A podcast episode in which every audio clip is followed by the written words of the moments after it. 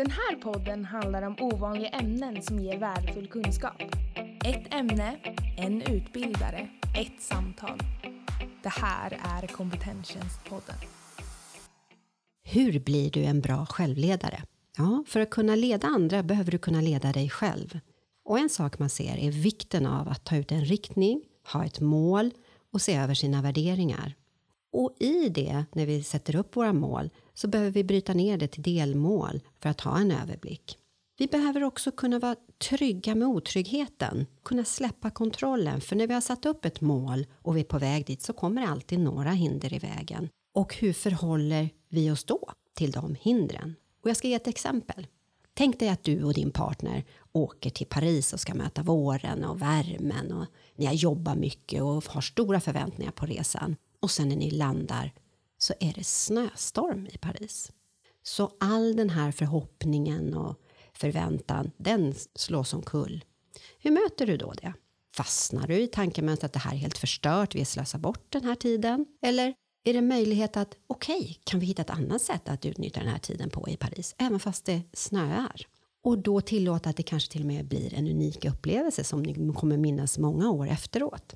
Och det är just förmågan att kunna stanna upp och identifiera den där inre rösten vi har. Den som kanske säger, ja, nu blev allt förstört, ingen mening med det här och så vidare.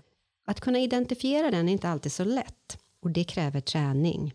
Och då finns det en strategi, enprocentsstrategin, som man kan använda sig av. Att ta ett litet steg till förändring. Exempelvis en procents förändring åt en konstruktiv riktning varje vecka. Och på ett år har vi ju då hela 52 procents förändring. Vi har alltså förändrats rätt mycket genom att ta det här lilla steget varje vecka. Det man ser av medarbetarna, vad de tycker om hos chefer, kvaliteter som medarbetare uppskattar hos sina chefer som faktiskt i en studie kom på första plats är tillit. Man vill att cheferna ska ha tillit till sina medarbetare, det vill säga ge dem ansvar, lita på att de kan utföra sina uppgifter. Och utmaningen för cheferna då blir ju att våga lita på sina anställda. Och det man ser som goda egenskaper hos ledare, självledare, det är viljan till utveckling, inte bara av sig själv utan även till sina medarbetare. Men också så som vi har haft nu när det har varit svåra tider, när marken gungar under oss, att kunna stanna upp och reflektera istället för att fatta snabba beslut och bara följa strömmen.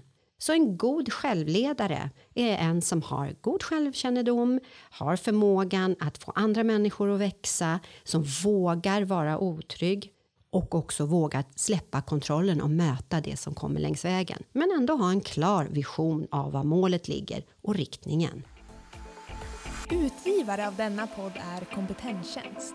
Ett utbildningsföretag som erbjuder utbildningar och föreläsningar för fortbildning inom offentlig sektor.